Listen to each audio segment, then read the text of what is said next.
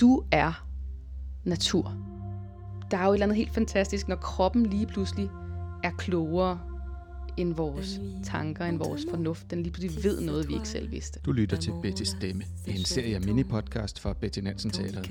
Her fortæller teaterets kunstneriske leder og teaterinstruktør Elisa Kragerup om, hvad der gør Shakespeares Indskasommernatsdrøm helt særlig for hende og for publikum, og om hvordan der i hendes bud på den vil være ekstra fokus på de dunkle og de mørke sider af naturen og af menneskets drifter. God fornøjelse. Jeg synes jo på mange måder, at vi lever i en affortryllet verden.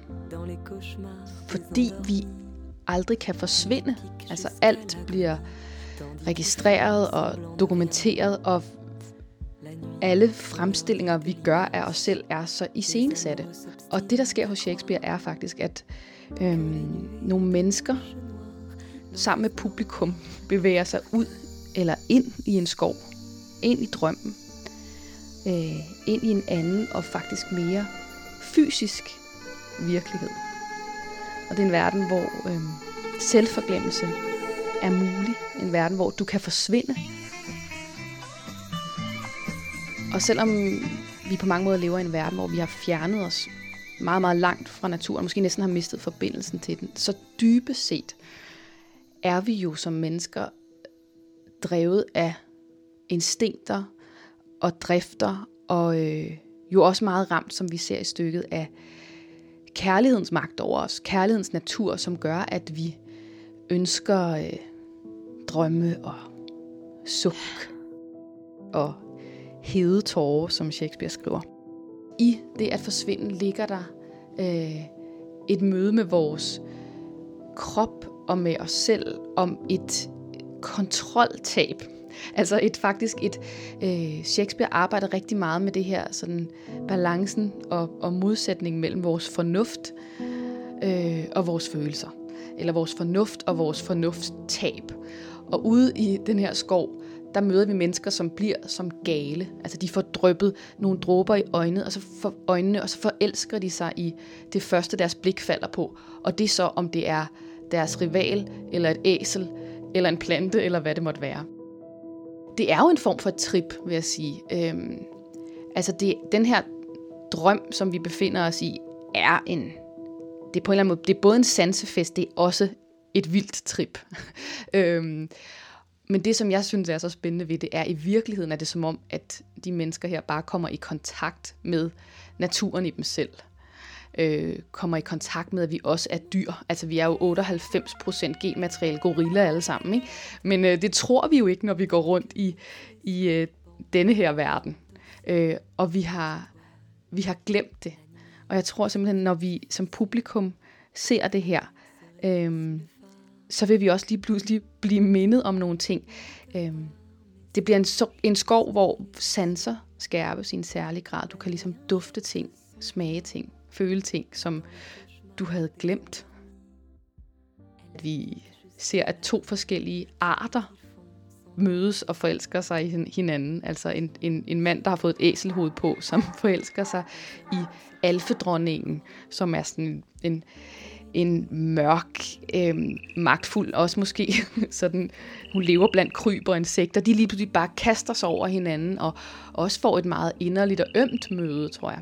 For mig er det også en, en hyldest til sådan, den menneskelige fantasi, som Shakespeare siger, lever egentlig særligt hos forelskede og forrygte, og hos digterne. Og det er faktisk også det værk af Shakespeare, hvor der er flest sådan rimede linjer, det vil sige digte og poesi. Det er et meget poetisk sprog, øh, og samtidig er det også, øh, stykket har en enorm komik, altså fordi der er jo også, når mennesker begynder at opføre sig ustyrligt, øh, også når vi møder det mørke i os selv, er der jo også potentielt virkelig meget humor, øh, fordi de kan ikke styre det. Det er Shakespeares mest erotiske stykke. Øh, og jeg tror, det er fordi, øh, der bliver virkelig givet slip ud i den her skov, og det behøver ikke at være erotik, som vi lige tænker. Det kan simpelthen også være et, et møde med noget, du simpelthen ikke vidste, du tændte på, øh, eller følte forelsket dig i. Øh, så det er jo både selvfølgelig en, en, en, en kropslig og en kødelig kærlighed, men det er også en, øh, en poesi, en evne til at udtrykke kærlighed, til at øh, møde det, man længes allermest efter. Du kommer til at opleve øh, ni skuespillere på scenen. Øhm, og det bliver et, øh, et univers, som, som udvikler sig, som indtager mere og mere farve. Vi kan lave det meget farvemættet, den her verden. Øhm, og så vil man opleve skuespillerne være meget fysiske, og det er i høj grad af deres fysiske adfærd, som ændrer sig. Fordi stykket jo hele tiden ligger og pendler mellem øh, altså en verden, vi kender, øh, og så et slip ind i øh, skoven, som altså er en mere sanselig, mere fysisk verden, som er fuld af farver og, øh, og krop. Jeg elsker jo Shakespeare på den måde, at det er virkelig... Øh, det er jo skrevet i så høj grad til skuespillere. Øhm, jeg tror, det er derfor, vi, vi stadigvæk i dag spiller Shakespeare. Det er, at han har... øhm, han har adgang til nogle af de dybeste kræfter i mennesket, faktisk til menneskets natur. Og det udtrykkes helt fantastisk i en sommerstrøm, fordi vi faktisk er ude i naturen, vi er også inde i naturen, og vi er i naturen i os selv. Øhm, og det ønsker jeg, der, jeg ønsker også, at det er i høj grad skuespilleren og deres krop, som fysisk gestalter skoven, som fysisk går ud i noget af øh, det dyriske, vi, vi, vi rummer som mennesker. Vi skal ligesom finde et sprog for, hvordan øh, agerer menneskekroppen fysisk, når den pludselig skal være en alf. Øhm, eller øh, øh de, de unge, som, som har en, altså der er nogle fantastiske scener mellem nogle unge, som pludselig bliver forelsket i den forkerte, fordi de har fået drøbet noget særligt saft i øjnene, som gør, at du, altså det bliver reelt kærlighed ved første blik. øhm, altså sådan helt konkret har Shakespeare leget med den tanke, at du kaster lige på det blik på noget, og så kan du slet ikke styre dit begær og din kærlighed til, til det menneske, som du egentlig havde for tre minutter siden.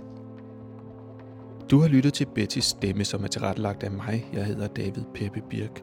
Musikken er skrevet og fremført af den franske sangerinde Suava. Tak fordi du lyttede med.